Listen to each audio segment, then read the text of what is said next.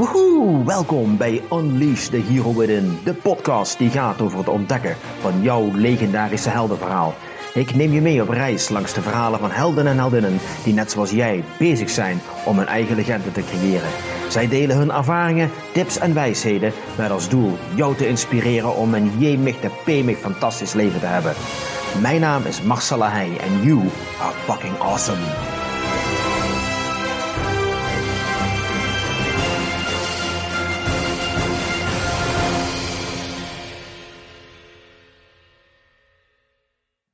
Welkom bij een nieuwe uitzending van Unleash the Hero Within. En vandaag heb ik een hele bijzondere gast, want ik was een tijdje geleden was ik eh, bij bezoek bij eh, Romeo van Luid. En Romeo van Luid is een hele bijzondere ondernemer, want hij maakt namelijk bordspellen. Hij bedenkt ze, hij maakt ze, hij ontwerpt ze. Deze man heeft een gigantische passie voor bordspellen. En nou weet ik dat we in een tijdperk leven van videogames en virtual reality en weet ik van wat nog meer allemaal. Maar bordspellen is toch iets heel bijzonders. En ik kan me nog goed herinneren toen ik vroeger als klein kind met mijn ouders en mijn broertje aan de eetkamertafel zat om bordspellen te doen. En uh, ongetwijfeld heb jij ook die ervaringen gehad. En misschien nog steeds, misschien ben je een grote liefhebber van bordspellen. En misschien denk je, bordspellen, is dat niet iets voor kleine kinderen? Het antwoord op die vraag is trouwens absoluut nee. Um, en vandaag gaan we praten met Romeo. En Romeo is iemand die ja, he lives and he breeds board games. Dus uh, ik heb al een paar keer met hem gesproken. En damn, wat een enthousiasme. En hij zit voor me met een big smile. Dus uh, Romeo, hartstikke welkom in de uitzending. Ja, jij ook uh, bedankt voor deze geweldige intro. Dus ik voel me helemaal vereerd zo. Maar ik geef wel met alle dingen groot gelijk. Bordspellen is echt mijn ding, dat klopt. Ja, hoe is dat? ik wil bordspellen is natuurlijk best wel iets, iets aparts. In de zin van, nou, het is niet zo dat er op elke hoek van de straat een ondernemer zit die bordspellen maakt. Uh, vertel eens, hoe is bordspellen in jouw leven gekomen? Wanneer heb jij jouw passie voor bordspellen ontdekt? Nou, al uh, heel in het begin was het met mijn broers, uh, wat, wat heel veel mensen waarschijnlijk ook herkennen. de standaard Monopoly, het, het risken enzovoorts. ik heb met mijn opa ook heel vaak uh, kanast heb ik gespeeld. Dus ik was eigenlijk altijd wel in voor een spelletje. En dat deed ik echt met alle plezier. Ik wilde heel graag spelen. Ook dat mijn moeder zei van ja nee, ik liever geen zin, want het duurt allemaal te lang. Zeker met risk, dan ben je echt uren aan tafel. Uh, maar ja, mijn broers die kon ik er sowieso voor vinden. Mijn zusje uiteindelijk ook nog wel. En uh, uiteindelijk, dan weet ik alleen niet hoe oud dat ik was. Maar dat was uh, in de periode dat uh, de kolonist van Catan uitkwam. dat is ook het, het spel waarmee de, de weer een stuk groter is geworden. Maar het heeft Erik, mijn, mijn, broer, die heeft mij dat spel cadeau gedaan. En uh, dat hebben we gespeeld en ik was al helemaal uh, fantastisch. Hè? Want je ging in één keer ook uh, handelen en je ging bouwen. En de, allerlei elementen zaten erin die echt enorm aanspraken. En toen ben ik op een gegeven moment ook op internet gaan zoeken van hè, wat is er dan nog meer te vinden naast Catan. Want je had ook allerlei uitbreidingen en scenario's om het spel nog verder uit te brengen. En zo ben ik dus ook bij andere bordspellen tegengekomen die dus ook helemaal niks met Monopoly Fris te maken hadden. Uh, en ik dacht, nou, die wil ik ook hebben. En toen kwam ik erbij nog meer spellen tegen. En op een gegeven moment, als je in die wereld zit, dan ga je natuurlijk ook steeds meer dingen vinden. En steeds meer dingen kom je tegen. En uh, uiteindelijk is het uh, gewoon uh, ja, zo'n enorme passie geworden. Dat ik echt gewoon op zoek ben gegaan naar spellen. Van oké, okay, ik wil dat type wil ik hebben. Of ik wil dat soort elementen wil ik in een spel hebben. Mm -hmm. En ik ben er echt met mijn eigen collectie ben begonnen. Mm -hmm. En tot op heden heb ik nou echt over de ja, 300, 350 spellen en uitbreidingen in mijn eigen collectie. Uh, wat ook heel belangrijk is, is dat uh, niet alleen ja, bij mij en mijn familie is dat zo enorm gegroeid, maar ook door de bordspellen heb ik ook, is mijn vriendengroep kring enorm gegroeid. ook met mensen die ik op school heb leren kennen. En dan in het begin, zeker als je naar een nieuwe school gaat, is het een beetje aftasten naar wie is wie en hoe, hoe kom je ermee in aanraking. Maar ik heb gemerkt dat als er eentje het woord bordspel laat vallen, dan zegt de ander al ja, ik ben er ook al fan van. En dan ben je, heb je heel snel heb je een klik. Ja. En dan kun je al heel snel afspreken, ga je aan tafel zitten. Mm -hmm. En dan hoeft nog niet eens een grote spreker te zijn. Of je hoeft ook niet de grote dingen te vertellen. Maar ja, je begint gewoon. De een leest de spelregels maar een beetje voor. Je gaat het spel ga je spelen. En ondertussen ben je toch wel wat aan het babbelen. Je hebt er een drankje bij of een hapje. En dan ja, dat is helemaal geweldig vind ik dat. En dat, die, die saamhorigheid, dat, dat spreekt me echt enorm aan. Mm -hmm. Dus uh, dat is echt uh, ja, een beetje ook uit de hand gelopen hobby. Oké, okay, dan ga je van iemand die van bordspellen houdt. Dat is natuurlijk leuk, hè? als je lekker in het weekend of s s'avonds je bordspellen gaat doen met je, met je vriendjes. Uh, ja, je ouders zeggen op een gegeven moment, ja, dat is allemaal leuk die bordspellen, maar er moet ook gewerkt worden en centen verdiend worden. Of ben je meteen vanaf de lagere school of middelbare school in de bordspellenwereldbranche terechtgekomen? Nee, het is echt uh, uh, puur nog, nog hobby, zeg maar. Mm het is ook niet dat, dat mijn werk erdoor in de clinch kwam. in mijn vriendengroep die ik hier in de buurt heb zitten, daar is het, het bordspellen spelen ook niet zo heel erg groot. Mm er was ook inderdaad, wat ik net als voorbeeld noemde, af en toe een keer een potje Monopoly of een potje Risk. Maar daar bleef het inderdaad wel bij. Dus met name mijn, mijn broers deed nog veel spellen. Uh, waaronder ook dat, dat kolonisten van Catan, zeg maar. En ja, ik, ik, ik, deed het ook. Ik, ik, vind, ik, ik speelde altijd te weinig. Heb ik nu ook nog steeds. maar wat ik zeg, het is nooit dat het in de knoei kwam met school. Of dat valt allemaal wel mee. Maar als ik vrije tijd heb, en dat merk ik zeker nu. elke vrije minuut die ik heb, dan ben ik wel op zoek naar of op internet met, met regels zoeken of met, met bordspellen spelen. Of uh, ik ben met mijn eigen ontwerpen ben ik bezig. En het is, het is echt mijn passie. Dus uh, vrije tijd die ik over heb. Want ik doe niks tekort aan mijn familie, ik doe ook niks tekort aan mijn werk mm -hmm. of mijn vrienden. Mm -hmm. Maar tijd die ik over heb, dat, dat gaat allemaal hier naartoe. Dus dat is echt dat is mijn ding. Oké, okay. maar neem me even terug in de, in de tijd. Hè. Je zat op de middelbare school. Welke, welke opleiding heb je gevolgd? Uh, ik heb twee opleidingen gevolgd. Dat is systeembeheerder en reclametekenen in Sint-Lucas. Oké, okay, Sint Lucas in Boksel. Ja, inderdaad. Ja. Oké, toen ben je gaan werken. Ja. Wat voor werk ben je toen gaan doen? Uh, heel gevarieerd. Ik ben bij, uh, bij DL ben ik, heb ik gewerkt als gewoon magazijnmedewerker. Heb ik uiteindelijk wel een leidinggevende functie gekregen. Mm -hmm. want ja, uh, mijn gezin is ook, ik heb ook alleen de, de MAVO heb ik zelf afgemaakt. Uh, ik heb een MBO gevolgd in uh, ICT, heb ik niet afgemaakt. Ik heb een MBO gevolgd in reclameteken, ook niet afgemaakt. Mm -hmm. Geen spijt van, mm -hmm. dus, want ik heb echt de tijd van mijn leven gehad. maar daardoor ben ik dus inderdaad bij, bij of eerst bij, bij Frans Maas heb ik gewerkt als magazijnmedewerker. Toen bij DL ook als magazijnmedewerker een leidinggevende functie gekregen. En toen was er iemand hier in Beringen die zei van, luister, wij, wij zoeken nog werknemers, ik ken jou een beetje, heb je zin om bij ons te werken? En dat was bij het bedrijf Technrap als uh, oh ja. servicedienstmonteur in de, in de buitendienst. Mm -hmm. Uh, nou, dat heb ik gedaan. En uh, wat ik daar ook heel erg heb geleerd, is dat je inderdaad gewoon uh, op een gegeven moment voor de leeuw wordt gegooid. Je hebt je, je gereedschapskoffer en je hebt je, je onderdelen om een televisie te maken, of, of wat witgoed of grijsgoed. Ja. En dan rijden we naar die klant toe en zien we wat je tegenkomt. En dan kom je natuurlijk ook tal van mensen tegen. Echt, uh, dan kun je ook de, de raarste verhalen, dus bijna niet te beschrijven, zeg maar. maar uh, daardoor uh, heb ik wel enorm veel geleerd ook qua, qua mensenkennis. Dus daar ben ik echt heel blij mee. En ja, daar ben ik ook in, in gegroeid, zeg maar. Dan ben ik vanuit uh, Technorap ben ik ook weer door een andere iemand benaderd. Die in, in Panningen werkte. En uh, die zei ook van, nou luister, we zijn op zoek naar, naar mensen. En ik heb gezien dat jij bij, bij Technirap werkt. En ik denk dat jij wel daar de ideale man voor bent. En dan ben ik dus vanuit daar, ben ik bij uh, dat bedrijf, ben ik, ben ik daar gaan werken. Het was een heel klein bedrijf met, met zeven mensen. En dat was echt helemaal mijn ding. Hè? Want ik heb bij de DL sowieso een groot bedrijf. Uh, was een klein bedrijf, maar steeds groter en groter en groter gegroeid. En toen ik dus bij, bij Digistar kwam, uh, dan had ik in het begin ook echt zoiets van: uh, hier kan ik echt auto worden. Hier wil ik tot mijn 65 te werken. Het is een klein groepje. Ik weet dat het niet groeit, want het is een, een, een overkoepelend iets wat dat bepaalt. En dit bleef altijd klein, zeg maar. En ik vond dat geweldig, want als er iets misging, er was altijd een van ons zeven die, dan, uh, die daar de, de schuld van was. Dus je had ook enorm veel verantwoordelijkheid. Mm -hmm. En uh, ja, alle zaken die ik doe, dat was niet door uh, iemand anders werd dat gedaan. Maar ik, ik wist dat, dat ik had punt A gedaan, ik had punt B gedaan, ik had punt C gedaan. Dus als er iets fout was, dan moet ik ook zelf naar mijn eigen kijken van mm -hmm. ja, wat iets fout zit. En ik wist dus ook, als die punten goed deden, werd er goed werk geleverd. Mm -hmm. En zeker omdat het zo, zo klein en zo hecht was... Uh, ja, was dat echt mijn ding. Dus ik had daar, dacht ik, waarschijnlijk al mijn, mijn passie gevonden. Ik had nog nooit gedacht dat ik in die bedrijvensector uh, zou, uh, zou werken, zeg maar, dat dat mijn ding was. Wat was dat voor sector? nou, die zitten in, in de weging. Dus bij boerderijen moeten vaak de, de koeien moeten gevoerd worden. Ja. En uh, het is eigenlijk bijna krachtsport, uh, zo kun je het noemen. Ja. Met de hoeveelheid hooi die ze krijgen, de hoeveelheid water, de hoeveelheid krachtvoer enzovoort. Uh -huh. En dat wordt allemaal in zo'n enorme bak gegooid achter zo'n tractor.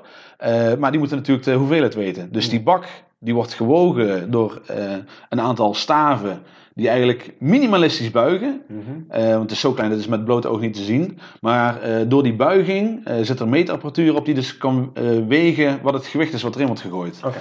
En zo kun je dus ja, in, in zo'n enorme bak, kun je zelfs tot op eh, 2, 3 kilo, kun je een, een mengsel kun je precies afwegen. Oké. En die staven, die werden dus vanuit Amerika werden die daadwerkelijk geproduceerd. Mhm. Maar die werden vanuit hier in Panningen, werden die over heel Europa werden die, gedistribueerd. Oké. En dat was ook mijn ding. Ik weet deze ook repareren. Ook als mensen vragen erover hadden, kon ik ze ondersteunen. Mhm. En eh, eh, daar had ik dus gewerkt. En wat ik zeg, dat, dat leek er helemaal mijn ding. Ik dacht, daar kon ik oud mee worden.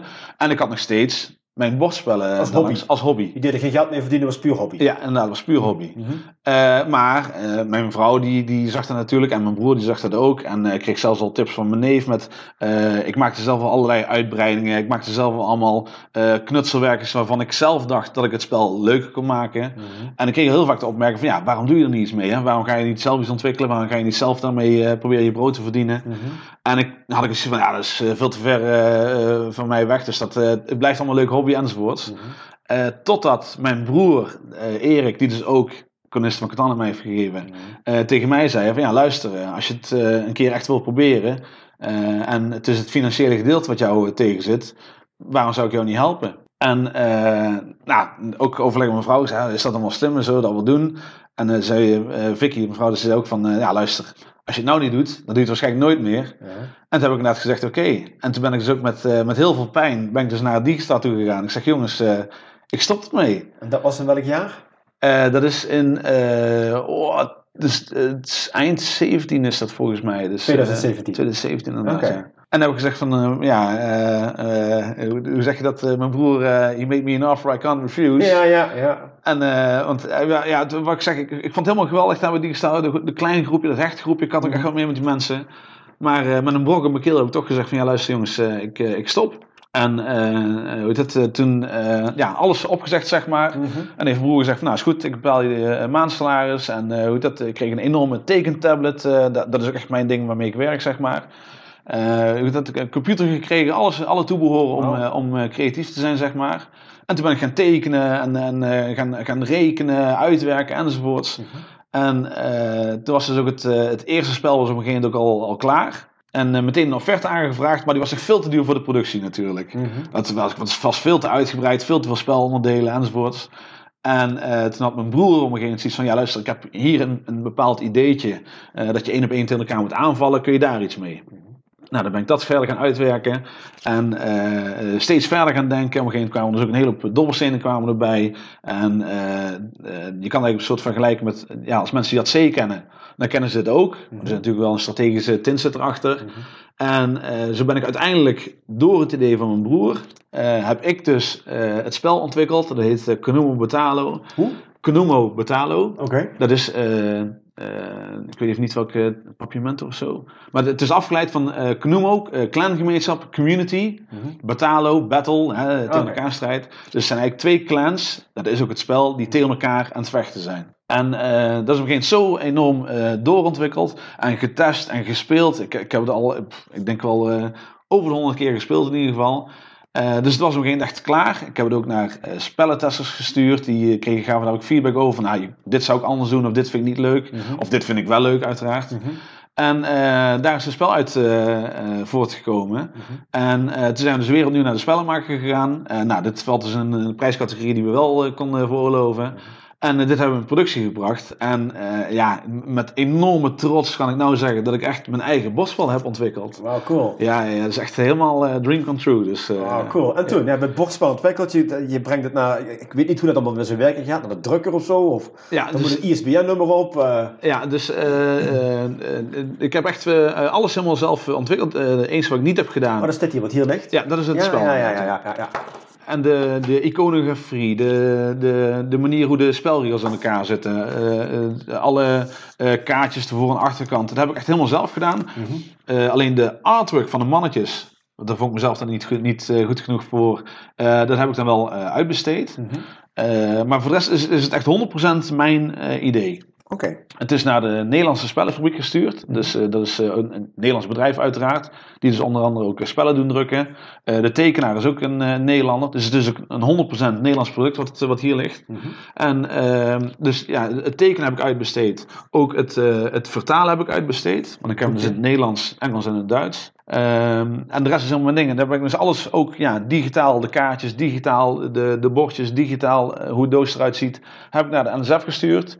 Nou, die krijgen dat gewoon digitaal binnen. Die doen daar een check op of dat allemaal binnen hun marges valt. Mm -hmm. En die zeggen, nou is goed, we drukken het. Dus die klap, die uh, krijg je in één keer uh, krijg je ook twee pallets binnen met uh, tigdozen. Mm -hmm. En die staan er niet voor mijn neus. Ja, ja, ja. En toen, dan heb je je eerste spel uitgegeven. Je krijgt twee pallets. Uh, hoeveel, hoeveel spellen heb je laten maken? De eerste? 2000. 2000. Oké, okay, je hebt een oplage van 2000 ja, bordspellen.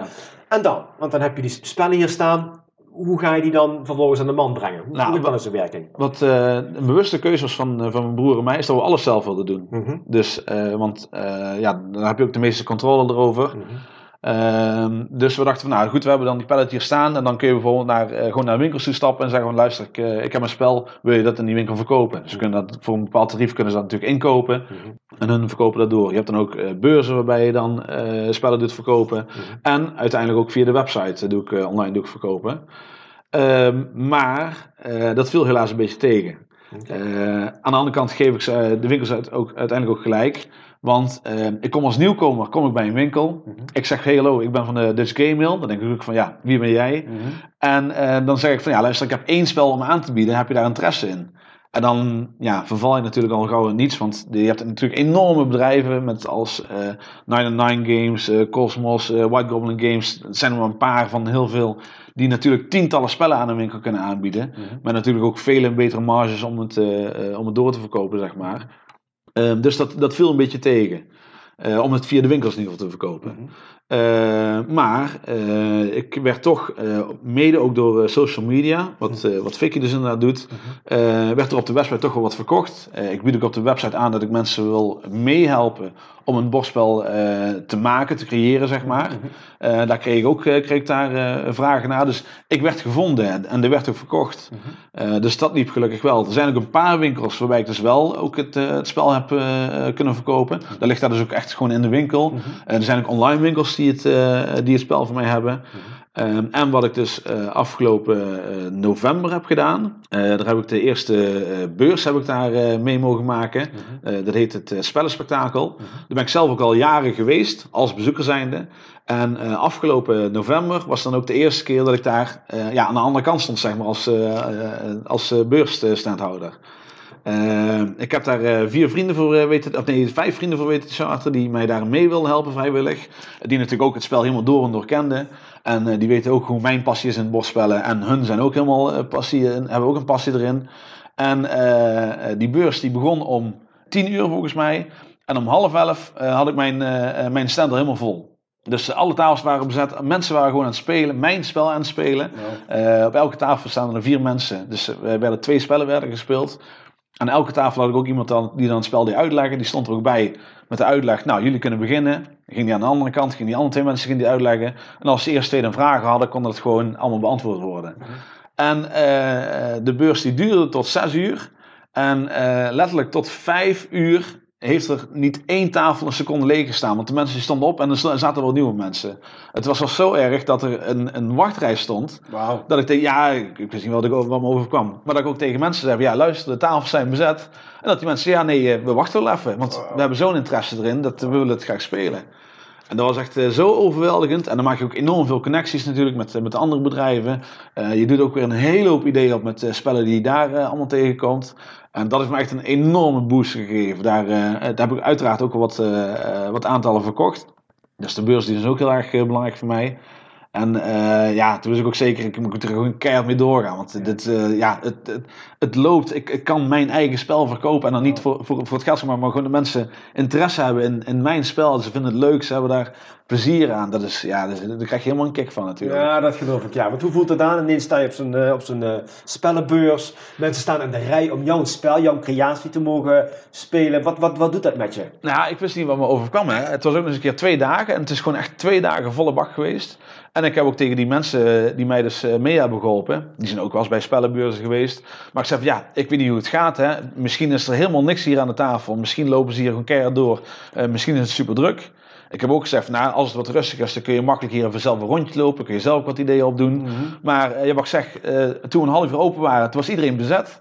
En tot vijf uur kwam niemand van die tafel af, want het was, het was gewoon bezet. Ja, aan het einde van de dag, ik had, ik had zo'n big smile op mijn gezicht, dat uh, kon niemand van mijn gezicht aftrekken. en dat zag iedereen ook hoor. Dus uh, ja, en dat, en dat twee dagen achter elkaar, ja, geweldig is dat. Wauw. Ja. Dus toen begon het spel te lopen, steeds meer mensen uh, ontdekten het spel, steeds Ja. meer mensen gingen het kopen. Ja, dus- Online werd er meer verkocht. Eh, we- de Dus Gamer kreeg ook echt meer een, eh, een begrip, zeg maar. Dus eh, dat vond ik echt enorm belangrijk. Daarom wil ik ook veel meer beurzen gaan bezoeken.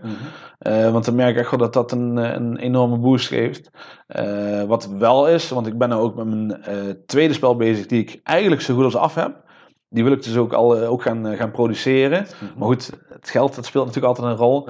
En daar ben ik wel, wel aan het overwegen of ik inderdaad weer helemaal zelf wil doen. of misschien toch via een andere partij. Dan heb je natuurlijk wel minder recht op bepaalde dingen. Hun kunnen dan misschien ook dingen aanpassen. Geen idee.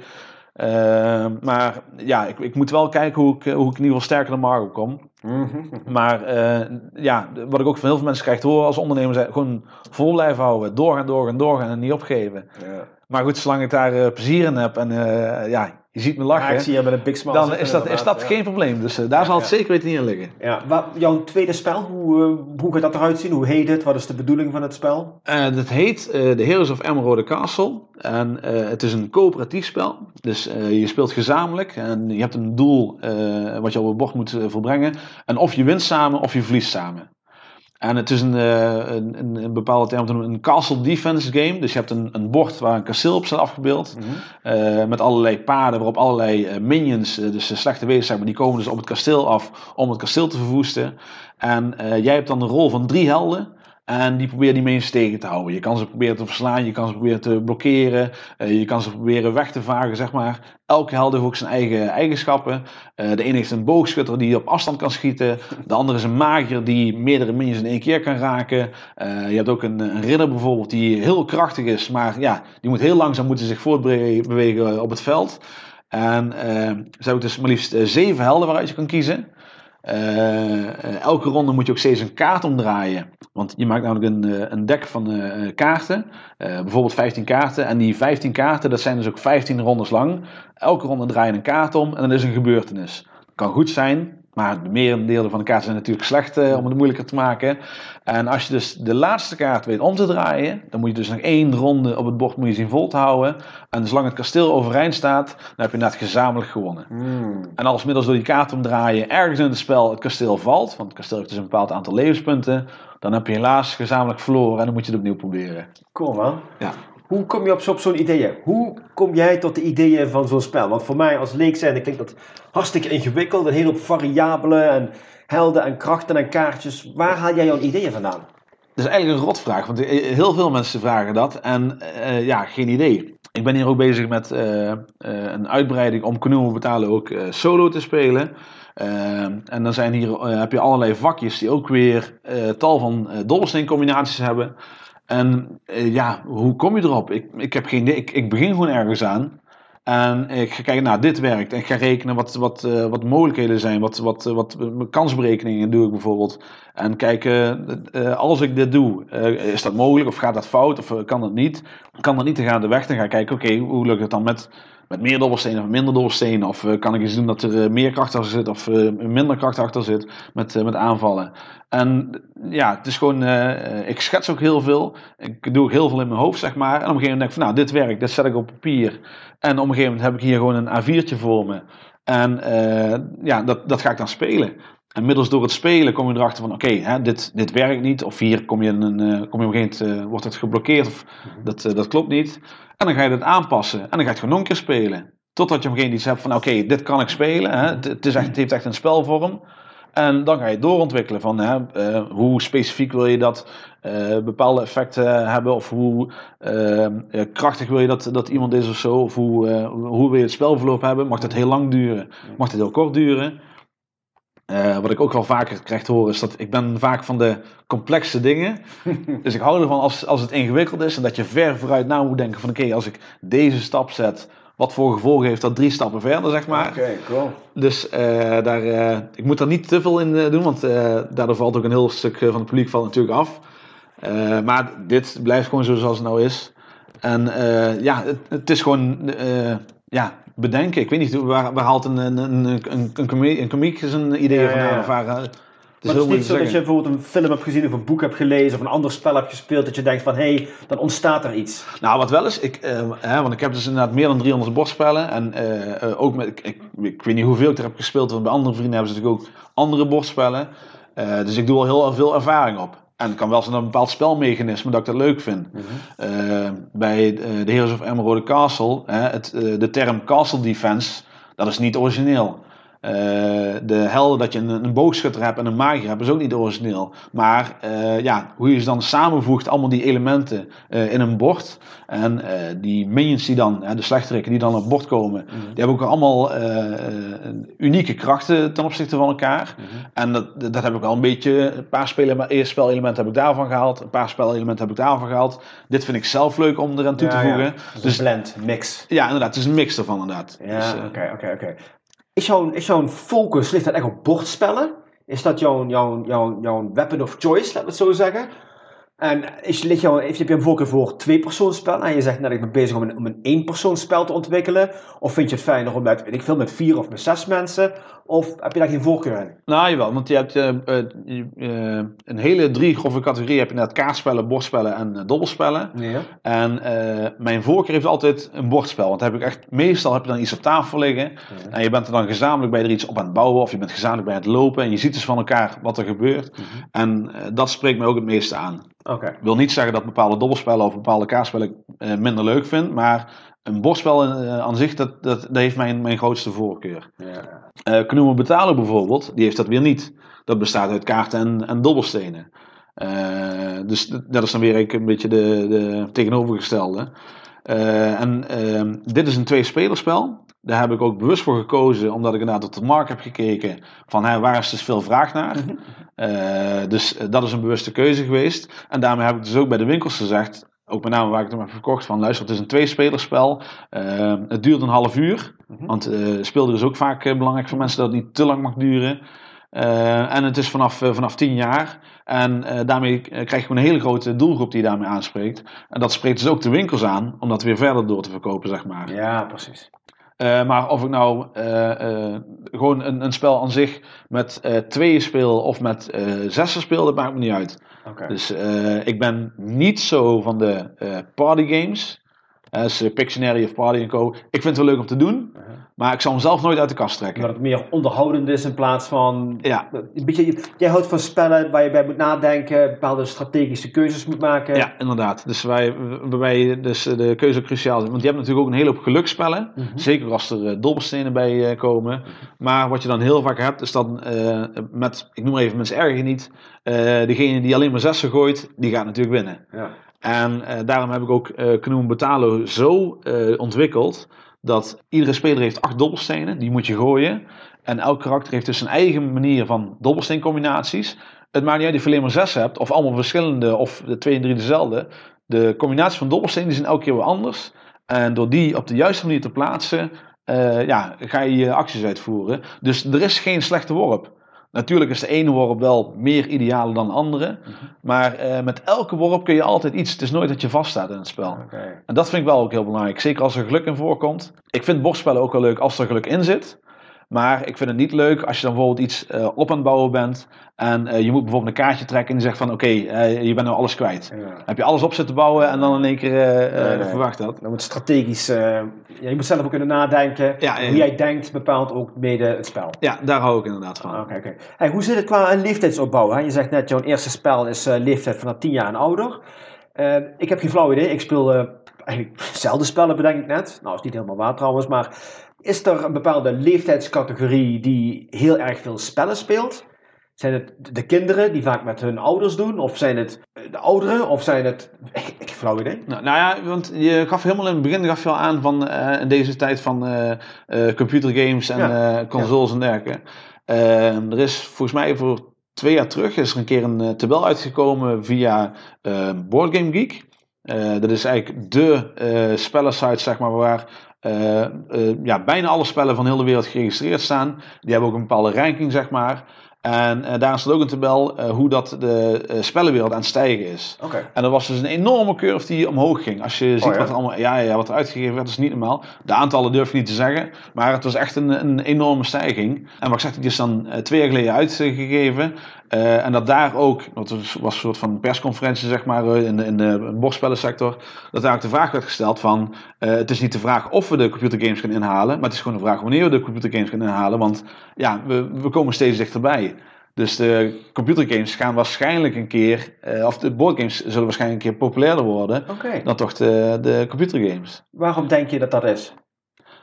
Uh, nou, ik denk toch de, de, de, de saamhorigheid, dat je inderdaad bij elkaar zit. Wat je met uh, computergames natuurlijk ook hebt. Je kan ook online spelen, samen spelen, maar vaak zit je wel alleen achter je, je, scherm, je, ja. ja, achter je scherm. Ik was uh, voorheen ook heel erg van de, ja, niet direct meteen PC-spellen, maar wel met een game console, zeg maar. De Game Boy, de, de Nintendo enzovoorts. Vond ik helemaal geweldig, maar uh, ja, als ik nu de keuze heb tussen uh, een, een spel aan tafel met iemand uh, die erbij zit, Ja. of ik ga op een console spelen, nou, dan is voor mij de keuze heel snel gemaakt. Ja, dus eigenlijk zeg je dat er een soort groei aan het ontstaan is aan meer sociale samenhorigheid bij spellen. Ja, ja zeker. Ja, Oh, Oké, okay. dat is natuurlijk wel fijn. Ja, nou ja, als mijn voorkeur heeft, is het natuurlijk sowieso mooi als het in ziet groeien. Ja, natuurlijk. Dus, ik kan me voorstellen. Je ziet ook dat de kwaliteit van, van computergames ja, is natuurlijk gigantisch. mm -hmm. Ja, zeker als je ziet wat er allemaal tegenwoordig mogelijk is. Het zijn bijna levensechte films waar jij gewoon de hoofdrol in speelt. En jij bepaalt hoe die film eruit gaat zien. Mm -hmm. Ik denk als ik daar ga beginnen dat ik uh, niet meer zo heel veel ga werken. Dus ik ben er heel erg gevoelig voor, voor dat soort zaken. Ja, en ook met dat virtual reality. Ik vind het ook allemaal heel interessant hoor. Dus, uh, dat en ook volgt het ook allemaal? Uh... Nou, niet dat ik het volg, maar het is uh, vaak als ik dan dingen zie op tv en dan wat je ook ziet met die, dat is ook meer techniek met, met robots die dan te leven komen. En inderdaad met virtual reality, wat, wat je allemaal tegenwoordig uh, ja, visueel kan maken, zeg maar. En ook met die uh, computergames, hoe realistischer dat het wordt en hoe meer details dat erin zit. Dus uh, ik vind het ook wel interessant hoor, maar ja, als iemand zegt van zullen we een spelletje spelen, dan gaat de tv uit en dan zit ik meteen hier aan tafel. Ja, ja dus die stukje gezelligheid, lekker biertje erbij, hapjes ja, ja, ja, en lekker spelen maar inderdaad. Ja. Daar ben ik echt van. Ja, ja. Zie je ook nog een keer ontstaan dat die twee werelden bij elkaar komen? Ik, bedoel, ik kan me herinneren dat er nog iets van bordspellen zijn waarbij je een dvd in de, in de computer moet stoppen en dat je af en toe het spel even moet, moet uh, dat je een filmpje moet bekijken of iets, of dat er iemand op een scherm verschijnt en die vertelt je iets over dat spel. Nou, die, die zijn er al zelfs. Oké. Okay. Dus uh, uh, ik heb bijvoorbeeld ook een spel, dat heet uh, Atmosphere. dat is inderdaad een, een bordspel, eigenlijk een heel simpel soort van mensen ergen niet mechanisme, dat je eigenlijk rond het bord loopt. maar er zit ook een dvd bij. En ik weet niet hoe ze het precies gedaan hebben, maar die dvd die moet je dus afspelen. Die duurt altijd exact 55 minuten. En uh, je kiest eerst een aantal uh, karakters. Dan moet je ook op de DVD moet je dat selecteren. en als je dan je karakters hebt gekozen, dan zet je je pionnen zet je op het bord. En dan start je de DVD.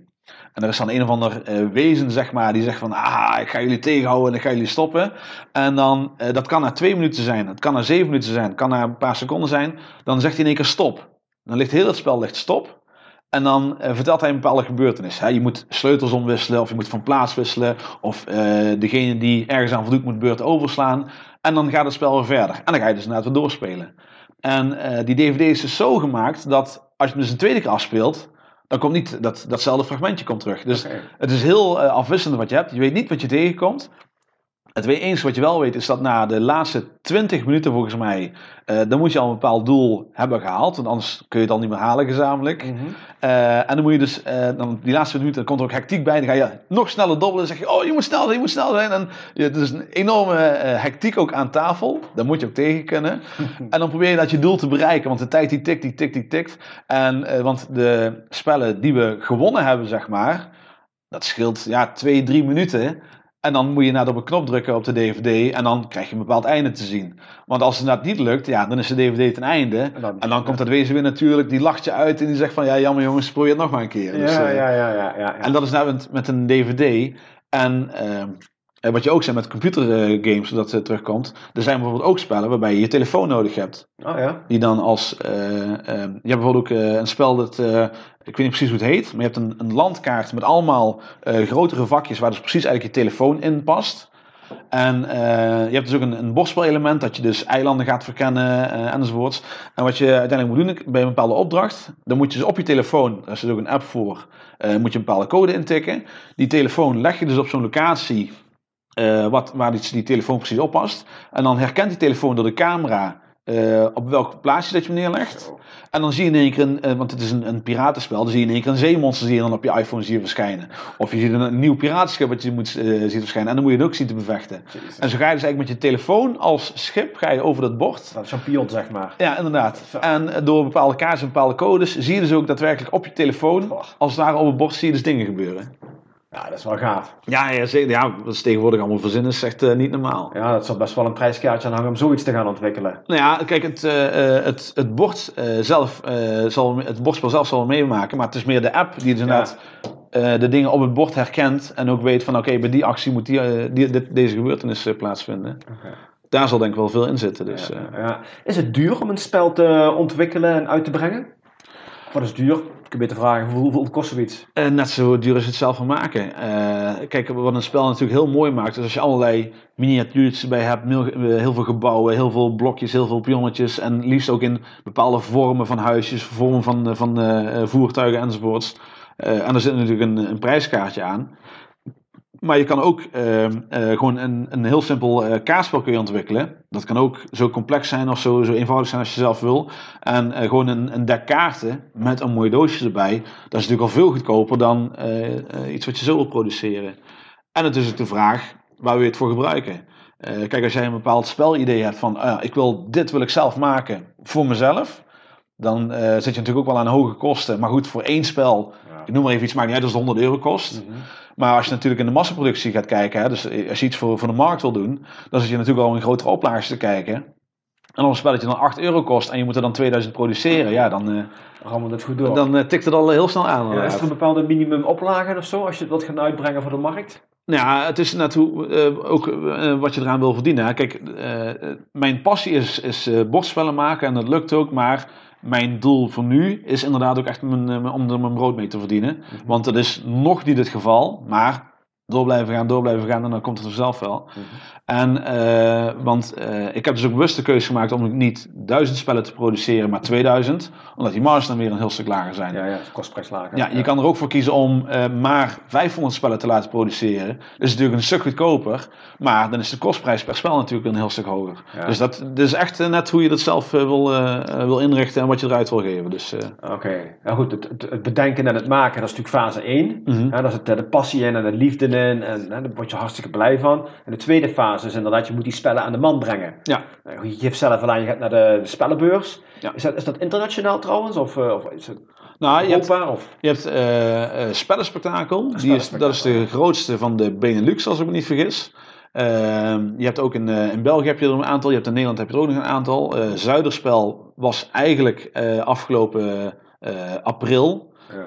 Maar dat is dus helaas, en dat is een grote inkomstenbron voor mij, die eh, zijn we dus eh, allemaal eh, misgelopen door de coronacrisis. En je hebt, er zijn veel meerdere, maar de, de bekendste dat is eh, Spiel. Dat is in Essen in Duitsland. En dat is echt de bordspellenbeurs van heel de wereld. De hele wereld? Ja, van heel de wereld inderdaad. Eh, ik doe bijvoorbeeld ook heel veel filmpjes kijken van mensen die in eh, Amerika wonen. Amerika is natuurlijk groot, hè, dus daar leeft het ook vanzelf groot. En die kijken ook allemaal uit naar Spiel. Ook mensen in Australië, Azië, die komen allemaal daar bij elkaar. Het is ook één groot mierennest. nou, ik ben er één keer geweest Ja. en ik schrok er eigenlijk van. Niet hoe, hoe groot dat het was, maar hoe massaal. En ook zoveel mensen, het is echt niet normaal. We zijn, de speel is ook vier dagen lang. Oké. Ehm, ik ben er op, eh, dus van donderdag tot met zondag. Ik ben er op donderdagmorgen ben ik daar geweest. Eh Spiel was, is volgens mij om 10 uur open. Ik moet even vliegen hoor. En ik dacht dat wij er om 11 uur waren. Ik denk, nou zijn we nog een beetje op tijd. Maar alle parkeerplaatsen waren al vol. Dus we moesten al een heel stuk omrijden eh, bij een of andere P7 locatie. Daar werd er met een pendelbus werd er nog maar neergereden. Zo. Eh, dus zegden wij half twaalf, misschien twaalf uur dat we daar waren. Dus heel die beurs, die vier dagen duurt, was zeg maar twee uur open. En we komen bij de voordeur en er lopen al mensen echt met stapels spellen, lopen ze naar buiten toe. Dus die hebben al een plan gemaakt van oké, ik wil daar zijn, ik wil dat kopen, dat kopen. En die hebben dan al hun, hun dingen gekocht. Want die hebben natuurlijk wel allemaal eh, exclusive eh, dingen en dingen die net opnieuw uit worden gegeven. En die zijn dan klaar en die lopen al meteen naar buiten toe. Terwijl er, er is zoveel om te zien. Het is echt gigantisch. En daar, Is dat een beetje jaarbeurshalformaat of hoe, wat moet ik me daarbij voorstellen? ik weet niet hoe groot de jaar... Ik ben wel eens bij de jaarbeurs geweest, maar ik weet niet hoe groot de jaarbeurs is. Ik weet wel dat het eh, beursgebouw in Eindhoven... Ja. Daar wordt altijd eh spellenspectakel gehouden. Of daar werd altijd Ja. spellenspectakel gehouden. Eh, en als de jaarbeurs van Eindhoven moet vergelijken met Spiel... Dan is dat, ik denk, acht, misschien wel tien keer zo groot. Holy shit. En dat zit ook echt helemaal vol. En daar heb je enorme wachtrijen. En eh, waar ik ook van stond te kijken, dan is daar gewoon een, een, eh, een winkel, zeg maar. Kijk, want met eh spellenspectakel, ik heb daar mijn standje en daar een bureau, daar heb ik mijn spellen achter zitten. Maar Spiel is gewoon zo groot, dat heeft een winkel, heeft dan een bepaalde oppervlakte. En er staan de spellen gewoon letterlijk vanaf de grond toe, zo hoog opgestapeld, waar mensen gewoon voorbij lopen. Dus, en zeggen ook wel heel veel mensen, wel niemand het ziet natuurlijk, maar omdat het zo open ligt, het is heel makkelijk dat je daar voorbij loopt en Een doosje meeneemt, ja. Maar schijnbaar is die afzet daar zo enorm groot dat die winkels dat verliefd nemen. En ja, gewoon doordat er zoveel mensen zijn, dat er zoveel verkocht wordt, eh, ja, het, het maakt het er niet uit.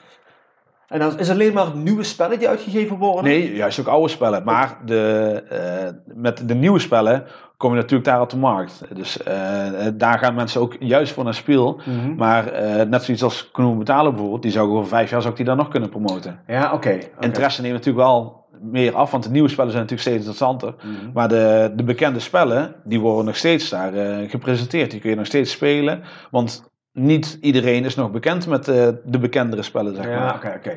Nou zie ik ook, eh, wat me net te binnen schiet, en net zoals van hele bekende spellen, zoals bijvoorbeeld Monopoly, denk ik net aan, die hebben heel veel uitvoeringen. Je hebt de standaard, je hebt de oude, de nieuwe, je hebt de euro-versie. Maar je hebt ook de versie die gebe- eh, gebaseerd zijn op films. Je hebt een, een, een Star Wars Monopoly, je hebt een Star Trek Monopoly, je hebt een Lord of the Rings Monopoly. Volgens mij is er een hele verzamelaarsmarkt voor mensen die alleen maar zoveel mo- Monopoly-uitvoeringen verzamelen. Hè? Ja, ja klopt. Ja. Eh, wat dat betreft wordt het echt helemaal uitgemolken, zeg maar. Eh, en eh, jij noemt het Monopoly, maar je hebt van Risk heb je ook tal van uitbreidingen of variaties, zeg maar. Zo heb je ook, wat ik net zei, dat kolonisten van Catan. Ik denk dat daar wel misschien al tien, zelfs twintig verschillende uitgaves van zijn. Met weer een ander thema, net weer een andere regelgeving enzovoorts. Eh, Carcassonne is ook een, een spel wat, wat in de bordspellenwereld wel enigszins bekend is. Daar zijn ook weer enorm veel variaties en uitbreidingen van. En eh, ja, uiteindelijk hoop ik dus ook inderdaad een spel te kunnen maken. ja, waar ik tal van uitbreidingen kan, van kan maken, variaties kan maken. Dat het gewoon echt jarenlang interessant blijft voor die mensen om het toch weer te kopen, te kopen, te kopen. En dat ze toch weer ja, mijn spel willen spelen, zeg maar. Ja, ja, ja.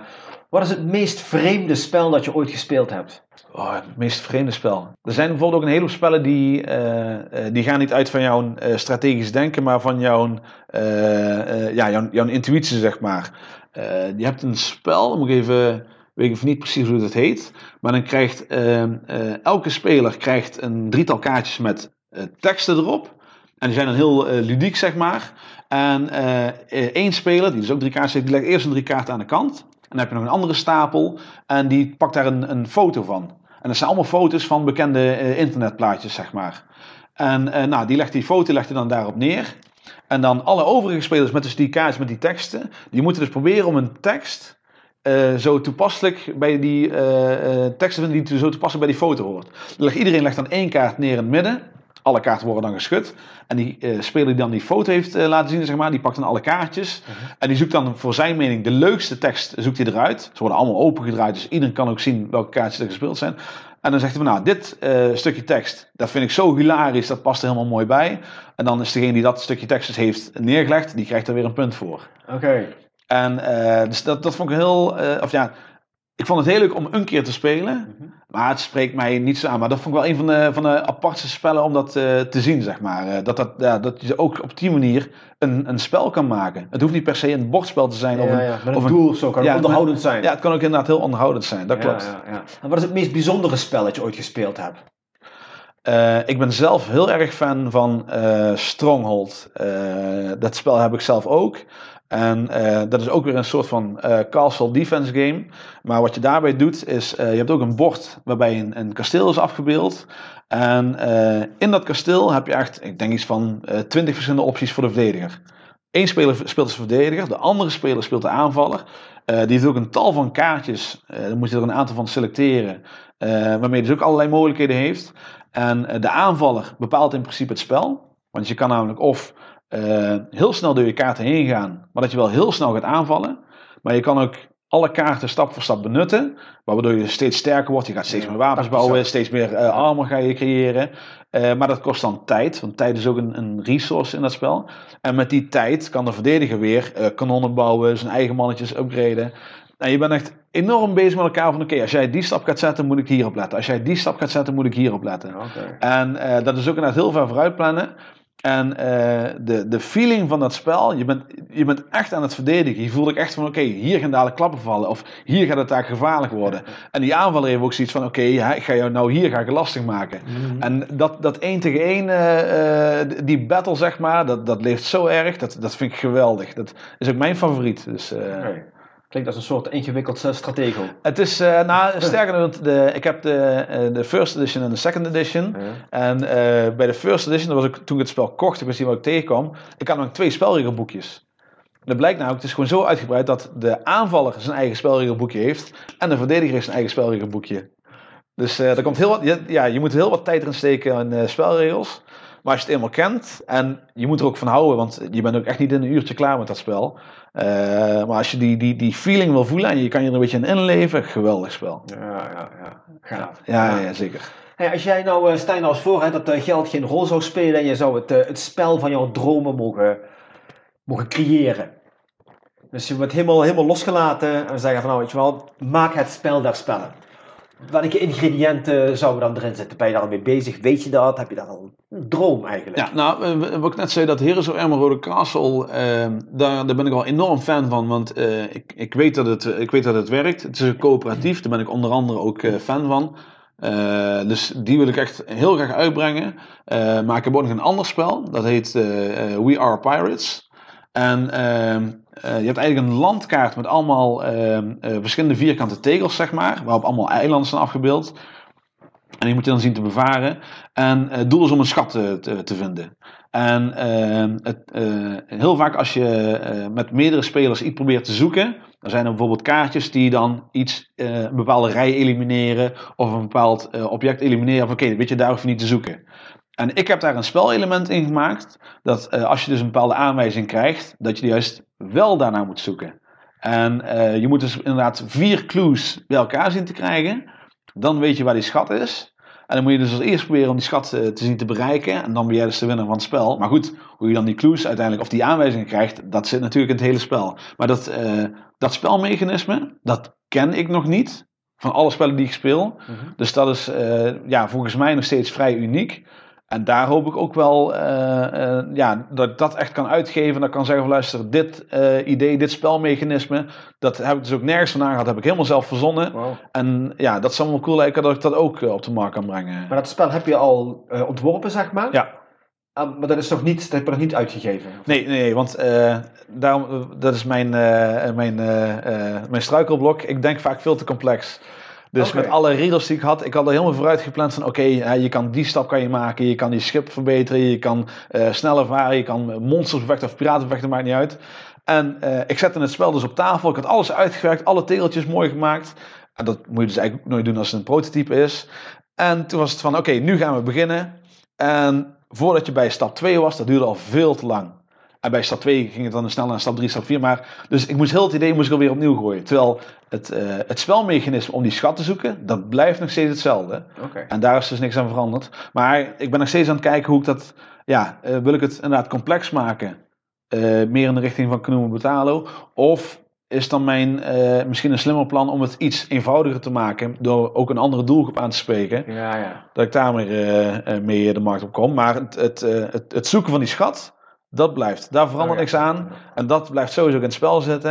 En ik ben nou nog heel erg bezig met, oké, hoe ga ik het spel dan laten verlopen dat je het daadwerkelijk kan spelen? Oké, dus dat is nog helemaal in, de, in development. Ja, ja, ja, ja. Ah, wat gaaf. wat Ja, dat is spelen, spelen, spelen. Daar, eh, ja, dat en dan ontdek je de nieuwe dingen, dat moet erin, Ja. dat moet eruit. En zo bouw je dat spel eigenlijk op. ja, precies. Ah, cool man. Dat is wel een gaaf proces eh, volgens mij.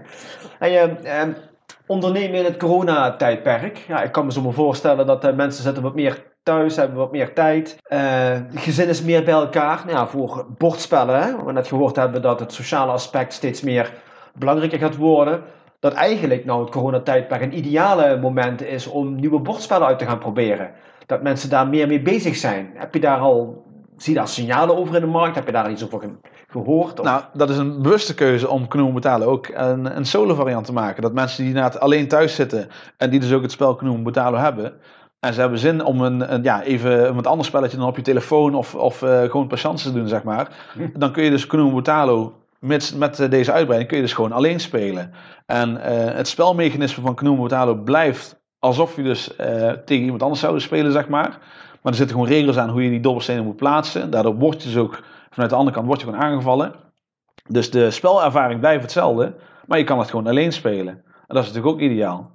En inderdaad, je krijgt ook steeds meer eh, eh, dingen te zien op, op Facebook en ook op eh, andere media. Dat mensen inderdaad gewoon online van allerlei spelletjes aan het verzinnen zijn. Oké, als ik dit spel heb en jij hebt het spel ook en we leggen hem allebei op tafel. ja. En dan zorgen we dat die kaarten zo liggen, die kaarten zo liggen. Dan kunnen we dus alsnog kunnen we het, het spel spelen. Ja. Dus dat is ook een beetje creatief zijn, maar ja, het, het wordt steeds meer en meer gedaan. Dus dat is wel leuk om te zien. Ah, cool man. Ja. Ja, ja. Hoe denk je dat de toekomst van bordspellen eruit gaat zien? Eh, ja, ik, ik hoop ook, of ja, maar, eh, ja, hoe hoop je dat eruit zien? Ik hoop ook dat het eh, de, de computerwereld in gaat halen. Want juist door het, door het, het met elkaar zijn, je bent sociaal bij met elkaar bezig. Dat vind ik een zo grotere meerwaarde dan computerspellen. En, eh, maar ja, goed, als ik er al van overtuigd ben, dan hoef ik niet te zeggen dat ik hoop dat, dat het in gaat halen natuurlijk. Dus, Nee, eh, nee, nee. Maar ik, ja, ik hoop dat het groter en groter wordt. Want eh, ik heb er echt enorme passie in. enorm veel plezier in. Ook de mensen waarmee ik speel. Ja, dat, dat- je, je hebt echt een band, band met elkaar, zeg maar. ik heb er ook heel veel, veel nieuwe vrienden mee, mee leren kennen.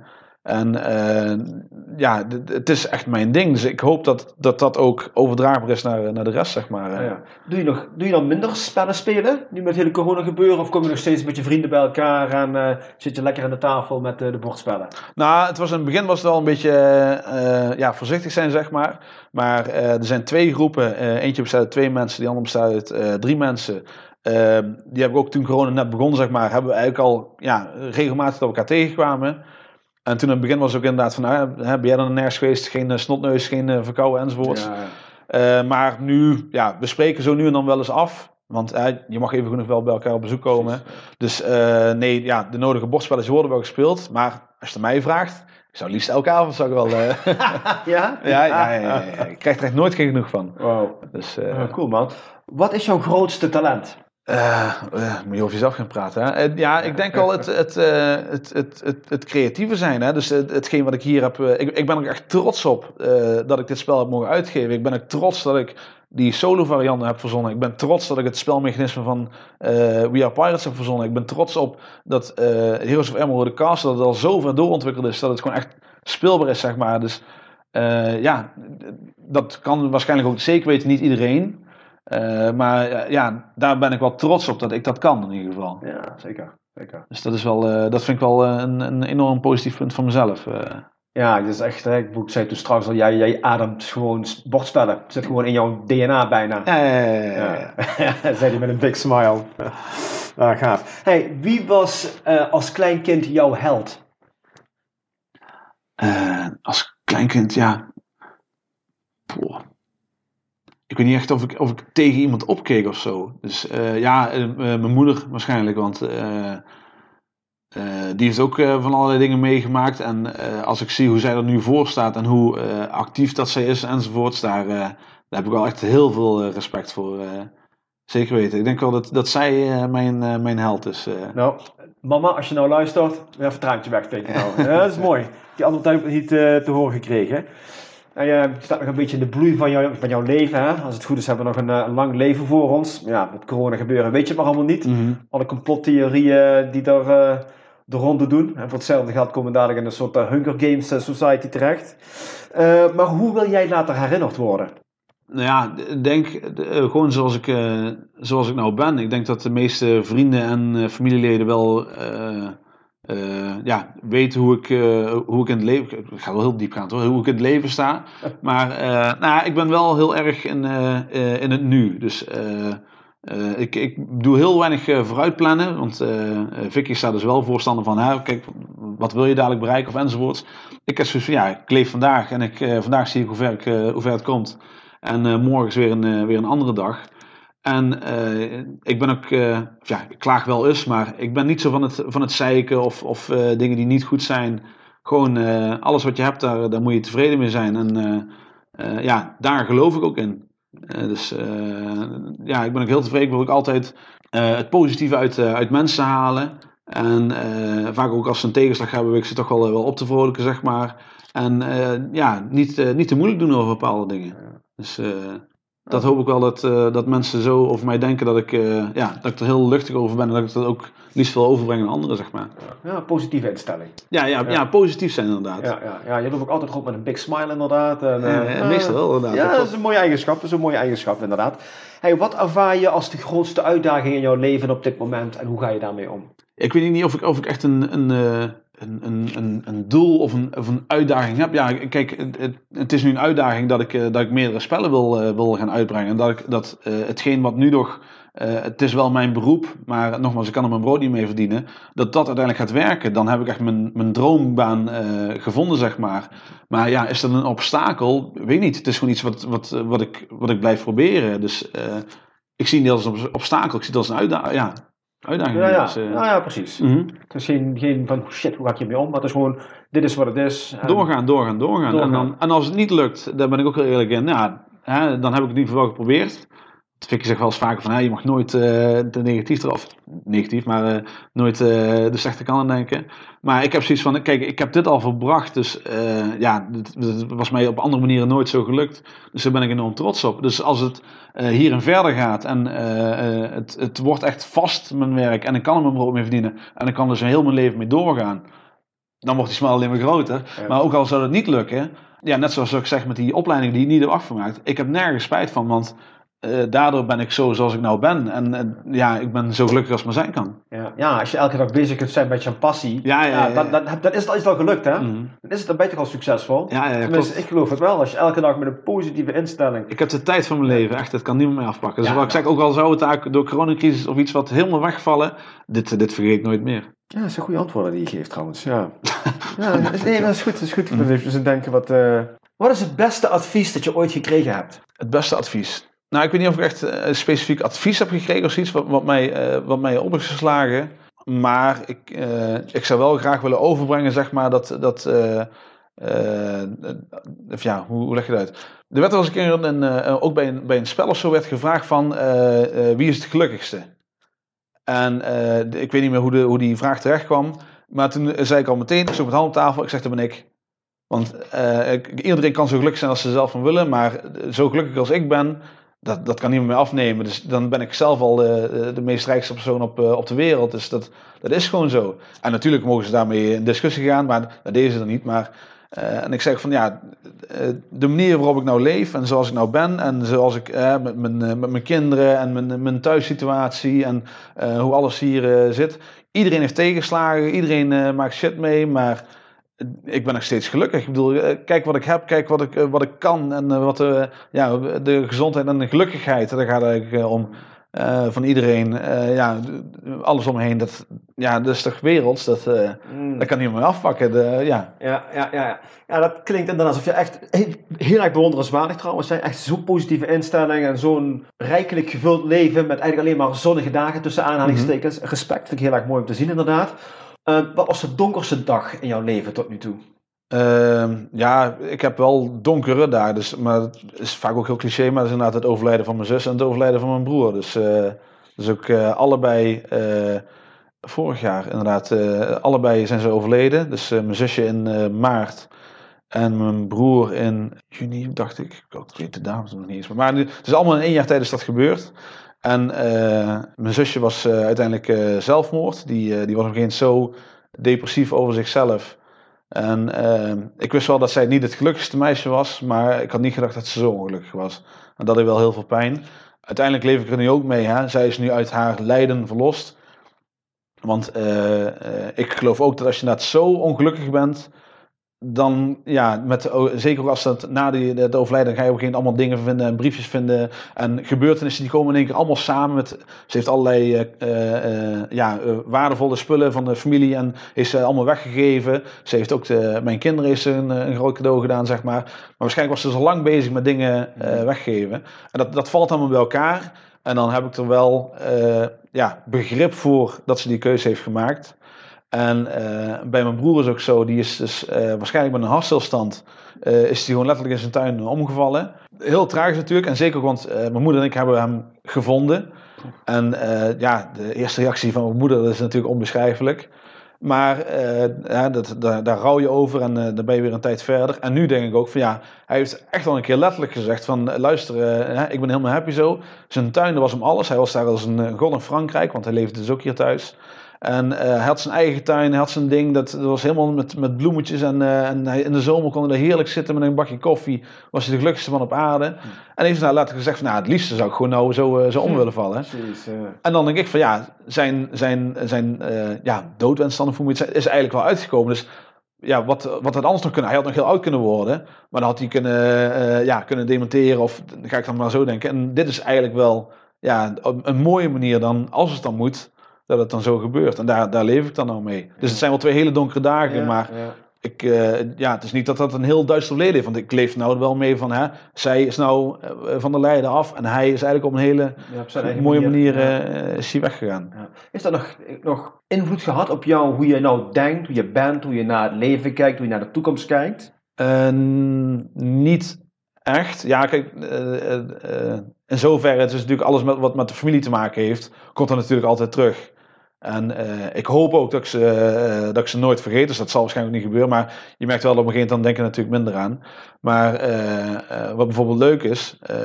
mijn moeder heeft dus ook zelf. De, die wilde eerst hier een camping beginnen. camping Ermeroda. we gaan daar dus een, een, vakantiehuis maken. Ook Ermeroda. En het spel wat ik zelf gemaakt heb heet ook de Heroes of Ermeroda Castle. Hm. En Ermeroda staat dus voor Erik, Mark, Romeo en Daphne. Ja. En uh, dus daarom wil ik heel graag Heroes of Emerald de cast uitbrengen, want dan heb ik toch weer iets van dat Mark en Daphne daar uh, in terugkomen, zeg maar. Dus uh, ja, en, en, ik ben er heel nuchter in. mijn moeder is ook twee keer weduwe geweest, waarvan ik het zelf één keer heb meegemaakt. en ik heb dus ook het overlijden van, van mijn broer en mijn zus meegemaakt. En ja, natuurlijk rouw je erom. En uh, uh, ik ben er ook heel verdrietig over, maar het is niet dat ik uh, ja, in tranen uitbarst en, en helemaal in een hoekje verdoemd zit van ja, shit, wat moet ik nou doen? Ik ben ook heel nuchter van ja, life goes on. En ik heb twee prachtige kinderen. Ik ben super gelukkig met mijn vrouw. ik heb hier een, een, enorm huis met tuin. mijn moeder woont hier langs. Hè, dus oma als oppas. Nou, hoe ideaal is het dat je even de kinderen, zeker in deze tijd, dat je even verlost kan zijn van je, van je kinderen. Dus nee, ik, ik ben ook ja, heel erg nuchter in van het is gebeurd. En natuurlijk heeft het ook een, een, een, plek in mij gevonden.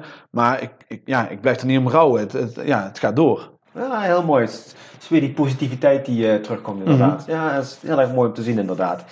Hey, laatste vraag. Laatste vraag is eigenlijk het laatste woord is aan jou. Hij heeft nou verteld over jouw passie, over de, de uitdaging die erbij komt komen kijken. Wat zou je nog mee willen geven aan de luisteraar die ook, die ook iets in zich heeft? Hè? In jouw geval is het duidelijk het, het bordspellen gebeuren. Maar wat wil je dan meegeven aan de luisteraar die ook zijn of haar passie ontdekt heeft en ook tegen de uitdagingen aanloopt en die wil er iets mee doen in zijn leven, die wil er een grote rol laten spelen in zijn leven. Ja, wat zou je daar nog tegen willen zeggen? Uh, ja, ik, ik ben niet zo van, eh, van het uh, geloof erin, want ja, je, gaat niet voor niets ergens, ergens aan beginnen, zeg maar, maar het is wel gewoon doen en, en vol blijven houden. En ook al heb je na tegenslagen, ja, probeer ze te omzeilen en probeer eraan aan verder te gaan. Kijk, als je echt een keer een, een, een klap ergens mee krijgt dat het moet stoppen, oké, jammer helaas, maar liever geprobeerd dan, dan nooit gedaan. En, maar als je dus kleinere tegenslagen krijgt, laat ze links liggen en ga gewoon door. En dan, eh, dan kom je er wel. Dus uh, ja, en als het, als het een passie is, dan moet het eigenlijk helemaal geen probleem zijn, lijkt mij. Ja. Dus uh, ja, dat, uh, dat is denk ik wel iets wat, ja, niet, niet, te veel naar de negatieve dingen kijken in ieder geval. Ja. Niet te veel naar de negatieve dingen kijken. Nou, dat zijn mooie laatste woorden inderdaad. We zijn aan het einde gekomen van het hele mooie interview. Ik vond het heel erg mooi. Dus hartstikke bedankt voor jouw tijd. Hartstikke bedankt voor jouw openheid, jouw passie en jouw enthousiasme. Alle plezier gedaan. Ja, dat, eh, dat, dat voel ik ook. Dus, want dat straalt aan alle kanten uit. Dus dat, dat vind ik heel erg fijn om, eh, om mee te maken. Dus dank je wel daarvoor. Eh, beste luisteraar, ik hoop dat jij er net zo van genoten hebt als ik. Ik vond het in ieder geval een heel erg mooi gesprek. Eh, doe aan je voordeel mee, want dit gesprek was echt gevuld met ontzettend veel wijsheid en inspiratie. Ik hoop dat je dat ook eh, ontdekt hebt. Ehm, ja, thanks for listening en tot de volgende keer. Much love. Bye bye.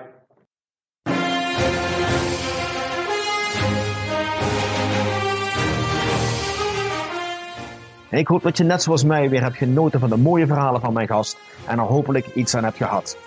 Wil je meer inspirerende goodies ontvangen of hoe jij een fucking awesome legendarisch leven kunt hebben? Ga dan naar mijn website unleashtheherowithin.nl en meld je vandaag nog aan. Thanks for listening and until next time, stay awesome.